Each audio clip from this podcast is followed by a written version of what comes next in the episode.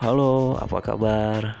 Semoga kalian selalu diberikan kesehatan, diberikan rizki yang melimpah, juga diberikan kebahagiaan dalam menjalani kehidupan.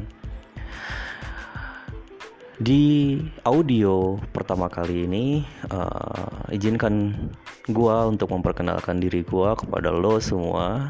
Perkenalkan, gua Ainul Yakin, gua tinggal di Tangsel.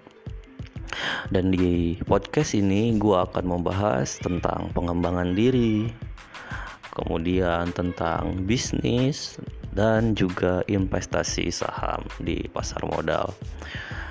So, bagi lo, bagi kalian yang suka pembahasan pengembangan diri, juga bisnis dan investasi, lo bisa ikuti gua di podcast ini di Spotify agar lo ke depannya bisa mendapatkan informasi selanjutnya tentang tiga hal tersebut. Itu dulu aja dari gua. Uh, sampai jumpa kembali di podcast berikutnya. Thank you